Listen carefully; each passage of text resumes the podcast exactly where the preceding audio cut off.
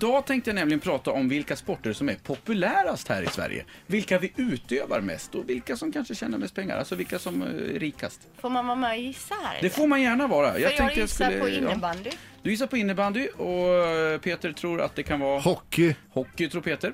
Om jag börjar på femte plats. Om vi tittar då på eh, antal utövare, alltså medlemmar som har deltagit i någon aktivitet i en förening under 2014. Då är det så att den idrott som ligger på femte plats där, det är gymnastik med 145 000 utövare.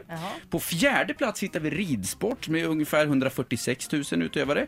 På tredje plats hittar vi friidrott. Det är inte så många som tänker på. Nej. Med 357 000 utövare. Och sen på andra plats hittar vi fotboll med 373 000 utövare. Då är hockeyn på första plats. på alltså. första plats med flest utövare deltagit i en förening eller dylikt i Sverige är golf. Jaha, du. Där hör ni Sörre, 414 000 medlemmar eller aktiva golfare har vi i det här landet. Och det är den största sporten vi har då faktiskt. Om man tittar Men på det det är på det nog sättet. skillnad på medlemmar och utövare. Så är, så, är det, så är det ju självklart också. Ishockey som du nämner kommer på tionde plats först, strax efter tennis på dryga 80 000 utövare under ett år.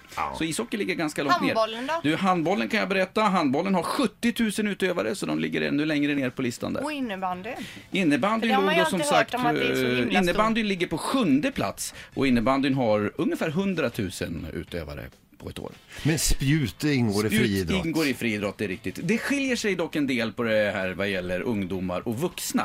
Ja. Och börjar vi då med att kolla på ungdomar och tittar på den populäraste motions och idrottsaktiviteterna, alltså bara det man gör en vardag och hur man Mm. motionerar. Och då är ungdom mellan 6 och 25 år. Och här påverkas man väldigt mycket av de som är över 25 år. För den populäraste motions och idrottsaktiviteten då, det är löpning. Löpning och joggning, bara springa ut i spåret och Va? jogga lite grann. Ja, det är sant. Och sen kommer powerwalk, men det är de som är mellan 20 och 25. Det är skitvanligt Ja, att men man vadå? utnyttjar Det finns väl Framförallt om man är tjej, ska jag som säga. Utövar powerwalk? Nej men precis, för sen kommer fotboll då där det är väldigt, väldigt många. Och då är det så att om man tittar på de populäraste tävlingsaktiviteterna där man faktiskt tävlar och får ett resultat och är i åldern mellan 6 och 25 år, då är fotboll outstanding störst. Sen kommer innebandy.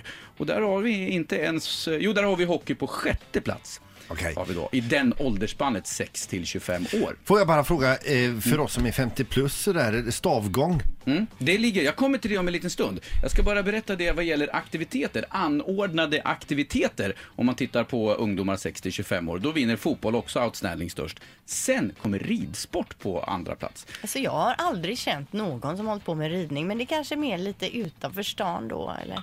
Ah, det tror jag inte att jag tror det är ganska vanligt. Jag drog precis hur många det var här för en liten stund sedan. Tittar vi på vuxna här sen då, hur det här ser ut. Eh, och då är man mellan 26 och 80 år och då ingår ju 50 plus Peter. Ja. Då är promenader, stavgång och powerwalk den allra vanligaste motionsformen. Och det är så härligt att komma ut i den friska luften. Vill jag bara säga. Ja, och sen på andra plats Om man där, stannar ja. till en liten stund och får höra de små pippifåglarna också. Och kanske en liten hasselmus som Ja. tittar upp där. Den motionsformen är faktiskt nästan dubbelt så stor som den som ligger tvåa och det är löpning, joggning. Tätt före styrketräning på gymmet som ligger på tredje plats. Bodybuilding alltså. Bodybuilding. Cykling på fjärde plats och sen gruppträning med aerobics och vad det nu kan vara på, på femte plats. Populäraste tävlingsaktiviteten om man är över 26 år upp till 80 år, det är löpning tätt fullt av golf. Bull då? Bull stod inte ens... Jo, den står med här. Den ligger nia. Ja, nia ja, du faktiskt. Ja, vad roligt. Vad kul. Efter, tätt efter skytte som ligger på åttonde Mhm. Plats. Men den, eh, den eh, idrott som har allra högst kapital, alltså eget kapital om man tittar på hur mycket pengar de har i Sverige, är utan konkurrens fotboll. Ja. Och på andra plats där ligger faktiskt skidor. Sådär ja. Så där hör ni. Golf på tredje. Jag vill bara säga det att jag och Ester nästa vecka så ska vi pröva på det här MMA. ja lycka till. Ett poddtips från Podplay.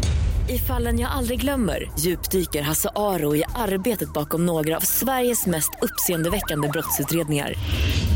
Går vi in med hemlig telefonavlyssning och, och då upplever vi att vi får en total förändring av hans beteende. Vad är det som händer nu? Vem är det som läcker? Och så säger han att jag är kriminell, jag har varit kriminell i hela mitt liv men att mörda ett barn, där går min gräns. Nya säsongen av Fallen jag aldrig glömmer på Podplay.